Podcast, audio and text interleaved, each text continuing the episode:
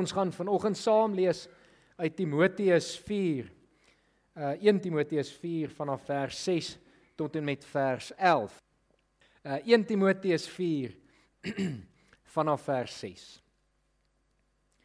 As jy hierdie dinge aan die broers voorhou, sal jy 'n goeie dienaar van Christus Jesus wees wat jouself voed met die woorde van die geloof en die goeie leer waarvan jy 'n aanhanger geword het. Maar van onheilige en sinlose verdigsels moet jy wegbly. Oefen jou liewer om in toewyding aan God te lewe. Om jou liggaam te oefen het wel 'n bietjie waarde. Maar om in toewyding aan God te lewe het in alle opsigte groot waarde, want dit bevat 'n belofte van lewe vir nou en die toekoms. Dit is 'n betroubare woord en kan sonder voorbehoud aanvaar word. Met hierdie vooruitsig span ons ons kragte in en stry ons, want ons het ons hoop op die lewende God gefestig wat die verlosser is van alle mense, van almal wat glo. Hierdie dinge moet jy die mense beveel en leer tot en met sover. Ek um, wil vanoggend by julle hoor wat maak 'n mens gesond? Wat doen gesonde mense dat hulle gesond is? Enige iemand, wie wil sê? Wat moet jy doen om gesond te wees? Ja. Jy moet gesonde kos eet. Dis 'n goeie begin. Ja, definitief. Wat nog? Uh sê weer? Jou leefwyse. Wat sluit dit in? Oefen, jy moet oefen. Wat nog? Gesonde gees, daar's mos hierdie mooi spreekwoord wat sê 'n gesonde gees huisves of 'n gesonde liggaam huisves 'n gesonde gees. Ons gaan nou by daai uitkom. Wat nog? Wie wil sê? Een van die kinders, wat maak mens gesond of bekommer jy nog nie te veel daaroor nie?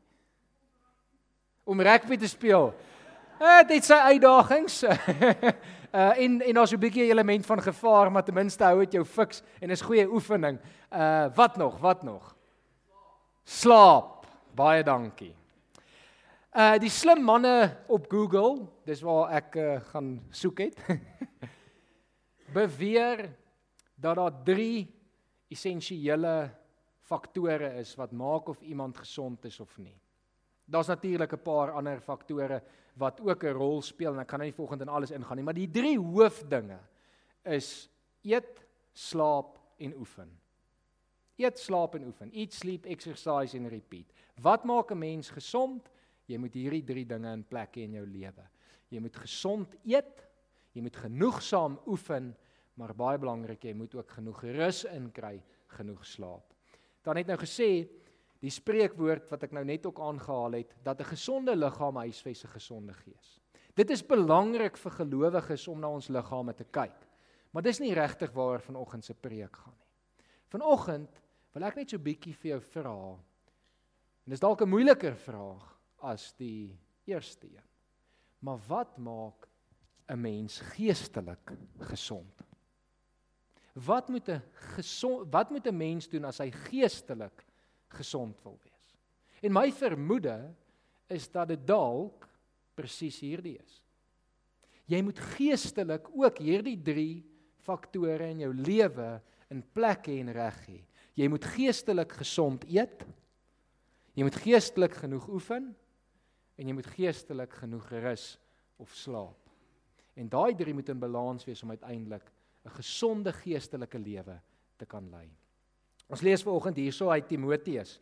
Dis 'n brief wat Paulus aan hom skryf uh, en ek dink julle weet dit dalk al maar ek herhaal dit sommer maar net maar Paulus het vir Timoteus eintlik as 'n kind in die geloof aangeneem.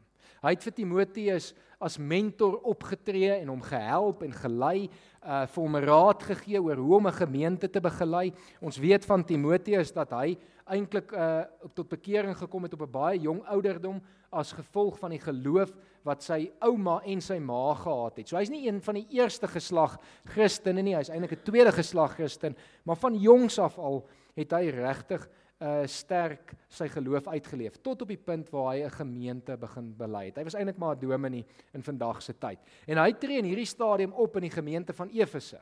Maar hy kry 'n bietjie probleme. Julle weet ons maar gemeentes kan moeilik raak. Ehm um, dit was 'n grappie, julle kan maar lag. Ehm um, En en hy skryf eintlik vir Paulus en hy sê vir Paulus, hoorie, dit is alles wat aan die gang is hier in my gemeente op hierdie stadium. Het jy nie asseblief vir my raad nie? En dan skryf Paulus hierdie brief vir hom terug en hy skryf vir hom 'n klomp dinge. Ek gaan nie vanoggend alles aangaan nie, maar dan kom hy by hierdie gedeelte uit. Wat gaan oor eintlik geestelike gesondheid? Oor 'n gemeente wat op 'n sekere manier moet funksioneer sodat hulle as gemeente gesond kan wees. En dan is Paulus baie slim. Julle weet Paulus het rondgereis en by al hierdie gemeente self 'n draai gemaak. So hy ken baie van die gemeentes en hy ken die stede, hy ken die omgewings. En dan weet hy van Efese dat dit 'n Griekse stad is. 'n Stad wat 'n ongelooflike groot handelsentrum was, maar wat ongelooflike Griekse kultuur aangeneem het, Griekse gode gedien het en dan baie belangrik, ook 'n stad waarin baie baie gimnasiums opgeskiet het. Gyms soos vandag. Wie gaan gym? Wie van julle gym? Is daar daar 'n paar? Ek hoop so. Na vanoggend hoop ek jy gaan gaan gym, fisies en geestelik, albei. Uh en nie net die een nie. Daar was ongelooflike gimnasiums opgesit met pers afrigters, persoonlike afrigters. Vandag het ons ook personal trainers. Jy het gedink is 'n nuwe ding, is glad nie. Dit kom eintlik al al die pad uit uh die Grieke uit. En die motivering Skus julle, ek weet nie hoekom die ding vanoggend so sukkel nie. Die motivering agter hierdie was die Olimpiese spele. Julle weet dat die Grieke die Olimpiese spele mos begin het op 'n baie primitiewe manier. Maar oefening vir die Grieke was dis ongelooflik belangrik. Oefening in Efese was verskriklik belangrik. En baie van die mense wat in Timoteus se gemeente sit, het oefen ongelooflik belangrik beskou. So erg dat van hulle dit eintlik amper as 'n godsdiens begin beoefen. En dan kom Paulus en hy's baie slim en hy skryf vir Timoteus hierdie aan sê hy rondom hierdie probleem wat hy ervaar van die mense wat eintlik net fisies oefen, maar geestelik nie. Dan sê hy fisiese oefening is goed. En ons almal weet dit, dis belangrik, dit het waarde. Maar skryf hy dan om in toewyding aan God te leef het soveel meer waarde. Oefen jouself om in toewyding aan God te leef. Voed jouself is die ander woord wat hy gebruik deur die leer, deur die evangelie te verkondig aan hierdie mense. Want op daardie manier is baie wonderlik en is waar ek kan dit vir julle sê, as ek 'n preek voorberei, dan net kry ek kos. En hopelik op 'n Sondag wanneer ek dit vir julle gee, dan kry julle ook kos. Ons as gelowiges moet geestelik gevoed word gereeld. Ons gaan hierdie jaar so 'n bietjie fokus in ons gemeente op 'n tema van doen wat Jesus sou doen. Dit is eintlik baie eenvoudig. Ons wil net Jesus se voorbeeld navolg. Jesus het vir ons kom wys hoe ons moet leef. Kom ons doen net wat hy doen. Dis wat ons hierdie jaar wil doen. En as ons mooi daarna gaan kyk, dan sien ons dis hierdie drie dinge. Jesus het geestelik geëet, geoefen en geslaap.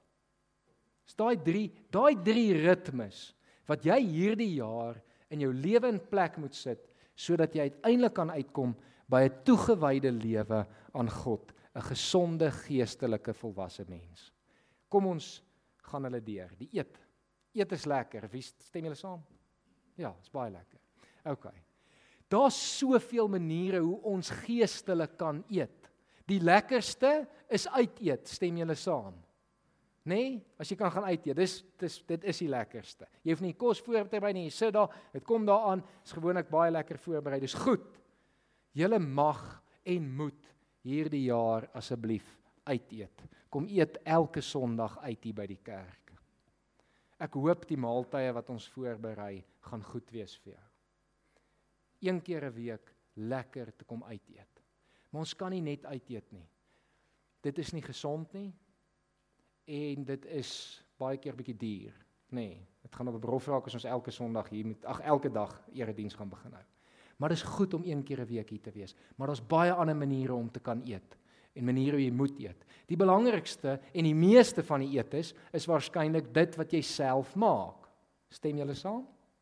Nee, meeste van die kos wat ons eet, maak ons self in ons huis huishouding. En dit moet jy hierdie jaar geestelik ook gaan doen. Gaan maak jou eie kos en gaan eet jou eie kos. Maak 'n tyd vir jou persoonlike stilte tyd, jou persoonlike Bybelstudie, vir huisgodsdiens as gesin. Kan rondom jou fisiese ete wees. Jesus was nogal lief daarvoor om dit te doen, om rondom 'n fisiese ete ook geestelike kos vir mense te gee. Doen dit hierdie jaar in jou huis. Maak tyd daarvoor. Maak seker jy kry dit reg. En eet lekker. Eet genoeg. Maak seker jy kry daagliks genoeg kos in. Daar's soveel hulpmiddels vandag wat jy kan gebruik. Deesdae kry jy op jou selfoon verskillende apps. Wie van julle het al die Bybel apps gesien?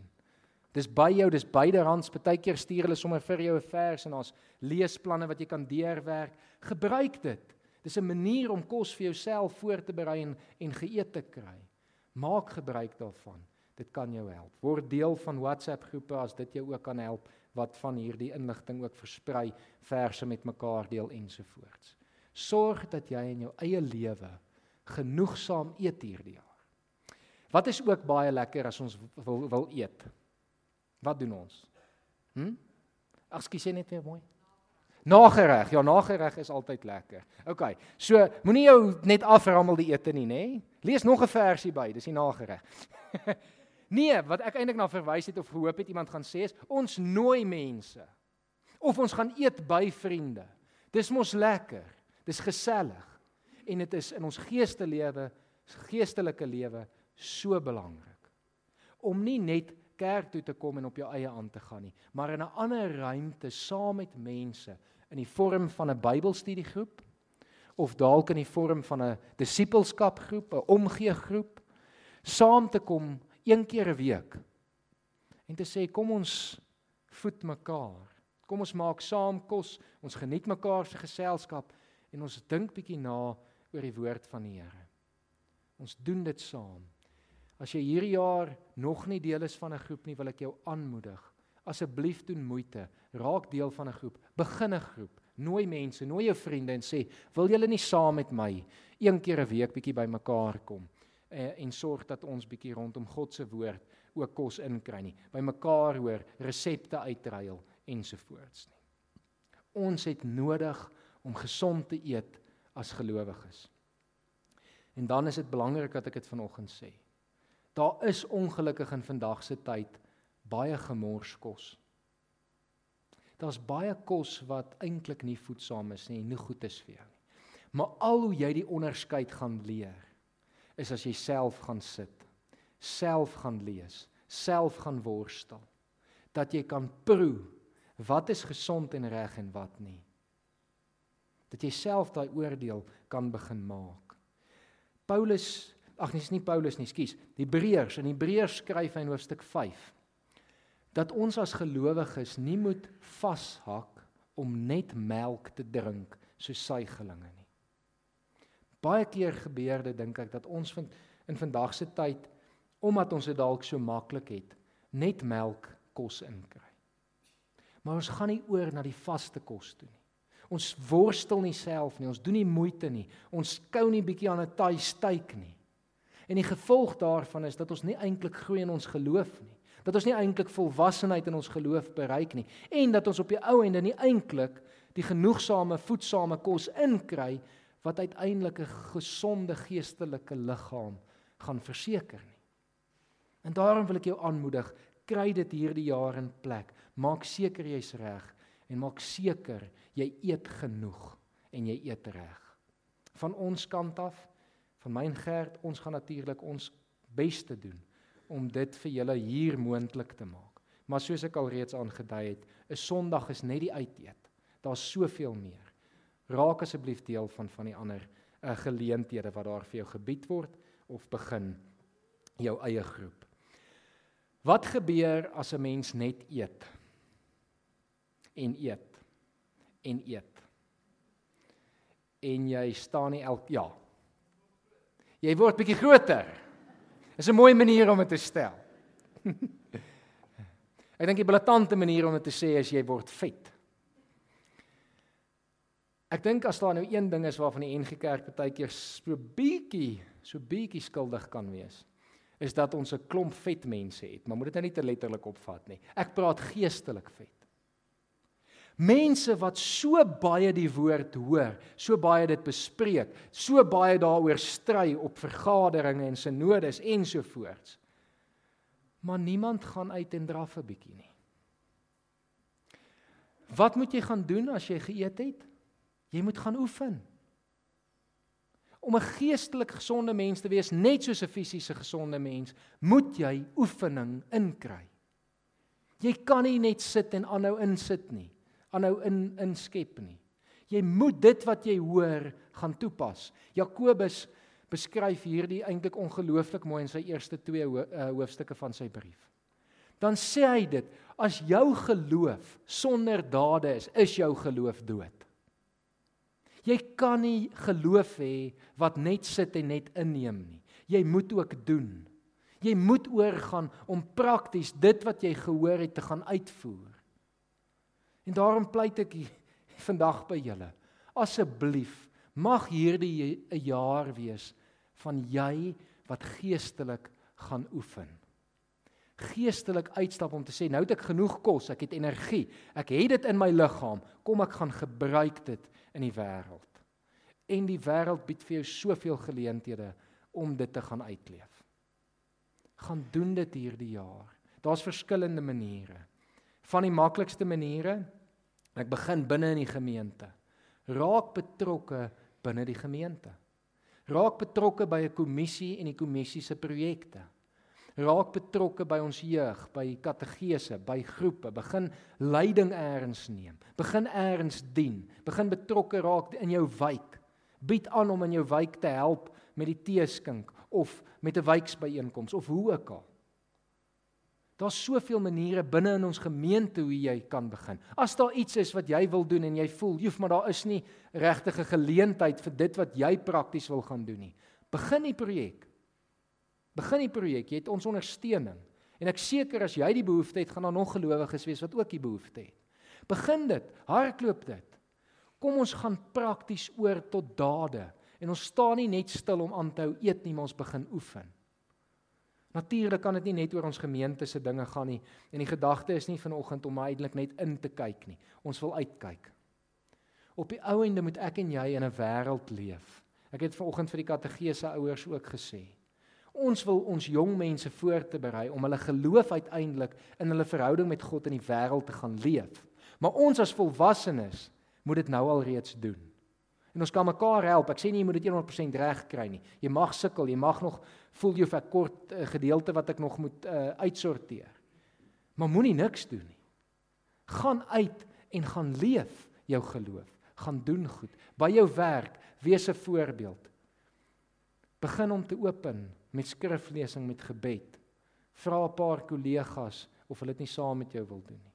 Bid vir jou werksplek, blik vir jou werksmense, vir jou werkskollegas. Wees vir hulle voorbeeld in hoe jy met hulle praat en hoe jy hulle hanteer. Wys vir hulle hoe lief is Jesus vir hulle deur hoe jy met hulle werk. Dis uiteindelik wat Jesus gesê het ons moet doen. Ek en jy moet dit gaan inoefen deur prakties in die wêreld betrokke te raak.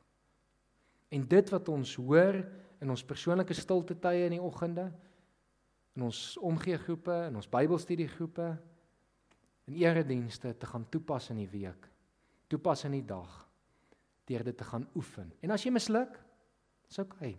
Ons dien 'n ongelooflike God wat jou al reeds vergewe het vir dit wat jy nie reg kry nie.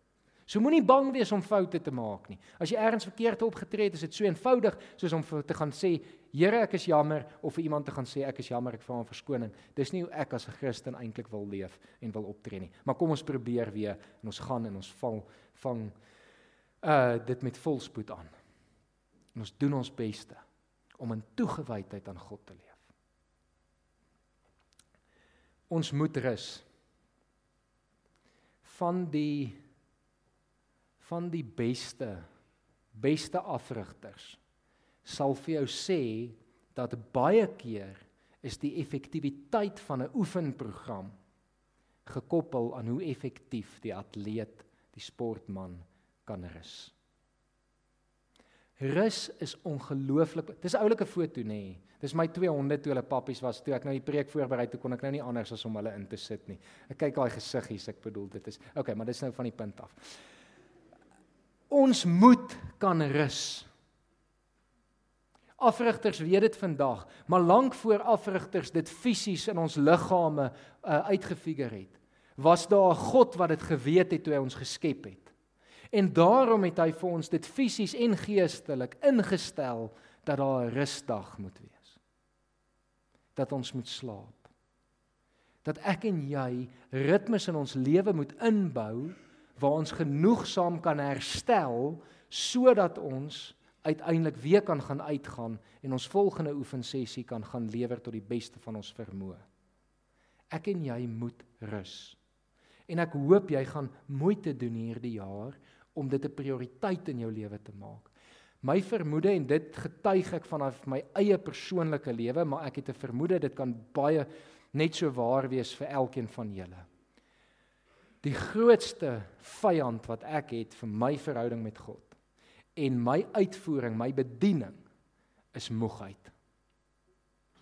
As ek moeg is, raak ek ongeduldig, raak ek mislik, raak ek lelik met my vrou, sê ek goed wat ek nie wil nie, raak ek kwaad, tree ek nie met die genodige entoesiasme op in 'n erediens of by 'n vergadering nie. Ek's nie vanoggend skaam om dit te sê nie, maar ek sê dit met die hoop dat jy besef hoe ernstig dit is en dalk kan assosieer in jou eie lewe dat ons nie bang moet wees om te sê ons het rus nodig nie en om dit te prioritiseer. Dit geld fisies. Jy moet genoeg slaap, jy moet genoeg afvat. Ek weet die eerens het ons as Afrikaners en dit is onlangs in 'n studie bewys dat ons die land is wat die meeste ure werk. Die wat werk nou, daar's baie wat nie werk nie, maar die wat werk. werk lang ure. En ons spog daaroor. Ons gaan na mekaar toe en sê, weet jy, eers laasweek het ek 70 ure gewerk. Eers weet jy, ek kry net nie stil gesê. amper asof dit 'n prestasie is. Terwyl eintlik as 'n gelowe dit 'n skande is. Daar's iets in ons Afrikaner kultuur dalk wat maak dat jy skuldig voel as jy sit en niks doen nie. Maar die Here kom en sê ek gee vir jou dit. Ek gun dit vir jou. Dis 'n geskenk. Vat 'n dag af, rus. Werk wat jy moet werk, maar gee genoeg tyd saam vir rus. Hoe gaan jy rus hierdie jaar? Ek wil 'n paar voorstelle maak. Maak die Sabbat weer prioriteit. As dit nie 'n Sondag kan wees nie, vir my is dit baie keer nie 'n Sondag nie, maar dan probeer ek 'n Saterdag eintlik rus. Net bietjie afvat, skakel af. Kry jou kop op iets anders, doen iets anders. Slaap. Spandeer tyd saam met jou familie. Maak tyd om rustig alleen by die Here te gaan sit. Jesus het ongelooflik baie homself afgesonder weg van mense af, weg van sy disippels af om te gaan rus by die Here. As hy dit gedoen het, dink jy nie ek en jy moet dit dalk ook maar doen nie. My vermoede is ons moet. Maak tyd om by die Here alleen te gaan sit. Maak tyd om alleen in die natuur te gaan sit, weg van allerlei dinge wat jou kan pla. Gaan hierdie jaar dalk op 'n retreat. Daar's soveel geestelike kampe, retreats wat aangebied word. Gaan op een. As jy glad nie weet waar om te begin soek nie, kom gesels met my, ek sal jou 'n rigting stuur. Gaan gaan vat 'n paar dae, dalk 'n week en gaan sorg dat jy rus, stil word by die Here, by hom weer energie en krag kry, weer visie kry oor wat hy van jou verwag en wat jy moet gaan doen. Ek het een ding nou-nou uitgelaat en ek wil net vinnig terugkom na hom toe. Maar dit sluit so klein bietjie dalk by 'n retreat en 'n kamp aan. Ek en jy as mense al eet ons reg en ons oefen reg en ons slaap genoeg, het elke nou en dan 'n booster nodig. Nê? Nee. Mense het net 'n ekstra vitamien-inspuiting nodig vir 'n moeilike tyd of jy voel net nie heeltemal jouself nie en eers moet jy net 'n bietjie van 'n aanpassing gaan maak. En dan wil ek jou uitnooi om dit ook hierdie jaar te doen. En daar's weer eens verskillende geleenthede hoe jy dit by die gemeente kan doen, maar wat jy dalk op jou eie ander kreatiewe maniere ook kan gaan vind. Ons gemeentekamp is oor 3 weke. Kom woon hom by. Kom kamp saam met ons. Ehm um, dit is daar's dink ek 'n goeie balans tussen inhoud, tussen groei, tussen kos, maar ook tussen rus en ontspanning en net bietjie saam met medegelowiges wees. Uh daar's ander geleenthede ook nog in die jaar waar jy dit regtig kan gebruik om net 'n booster te doen. Bybels Bybelkursusse. Ons het elke jaar 'n kursus wat ons probeer aanbied. Woon daai kursus by. Ehm um, kry 'n booster of as dit nie in die gemeente is nie, gaan soek net bietjie rond. Daar's soveel kursusse wat aangebied word, sprekers wat jou net 'n ekstra uh bietjie kan help om seker te maak ek is weer op die regte pad en in die regte lyn. Ek glo dat as daar 'n balans is tussen hierdie drie, tussen genoegsaam gesonde kos wat ons inkry, ons genoegsaam dit prakties gaan uitvoer deur te oefen, deur genoeg te rus, gaan ons uiteindelik gesonde mense wees. Paulus skryf hier en dan sê hy toegewyde lewe aan God. Hierdie 3 ritmes kweek 'n leefstyl van toewyding aan God. Op die ou einde gaan dit oor hom. Op die ouene wil ons as gemeente hierdie jaar juis by dit uitkom. By 'n plek waar ons as individue gesonde mense is, maar wanneer ons bymekaar kom, ons 'n gemeente is wat gesond funksioneer en in toewyding aan God leef deur Jesus se voorbeeld na te volg. Ek hoop julle is in, ek hoop julle is reg en gereed. Ek hoop jy kan vandag of môre of eers in hierdie week regtig tyd gaan maak en gaan sit en sê ek gaan my dieet vir die jaar uitwerk. Ek gaan my rus prioritiseer en ek gaan 'n oefenprogram kry om my te help om seker te maak ek pak hierdie jaar reg aan. As jy hulp kort. Ek het gisteraand dit begin doen, maar ek het hier so teen 09:30 toe besluit ek ek gaan hom nie aframmel nie, maar ek sal hom klaarmaak uh as daar die behoefte is. As jy behoefte het en sê jy, maar ek weet nie lekker waar om hoe om te begin nie. Laat weet my en ek sal vir jou 'n paar dinge stuur ehm um, wat jy mee kan begin. Is dit reg so? Ek sien uit na die jaar. Ek en Gert het lekker laasweek bietjie beplan en 'n paar goed saam gepraat. Ek is opgewonde vir hierdie jaar. Ek dink regtig die Here wil in my en jou lewe werk. En ek dink hy wil vir elkeen van ons uiteindelik help om in hierdie drie ritmes aan hom toegewy te leef sodat ons saam as gemeente hom en Harry Smit kan verheerlik. Ek is opgewonde om te sien wat die jaar inhou. Ek hoop elkeen van julle ook. Kom ons bid saam. Here, dankie vir hierdie eenvoudige boodskap wat U so lank terug deur Paulus aan Timoteus vir ons gegee het vandag. Here om te weet dat ons genoeg moet eet, dat ons moet gaan oefen, ons kan nie net hier bly sit nie en dat ons ook rus van U gegeen word. Here kom vra, ek kom vra vanoggend Here dat U ons sal help elkeen, elke individu, elke lidmaat, Here, om hierdie jaar so te gaan instel sodat ons uiteindelik regtig ons program en dinge so kan prioritiseer dat alles in balans is om U te kan verheerlik, om in toewyding aan U te kan leef. Here, dankie dat ons 'n nuwe jaar op hierdie manier kan begin. Dankie dat ons opgewonde kan wees en kan weet ons kan 'n verwagting hê van U. Here, want U wil 'n toekoms vir ons gee. U wil vir ons lei en Here ons sien uit na dit wat U gaan kom doen in ons lewens en deur ons gemeente. Ons bid dit in Jesus se naam. Amen.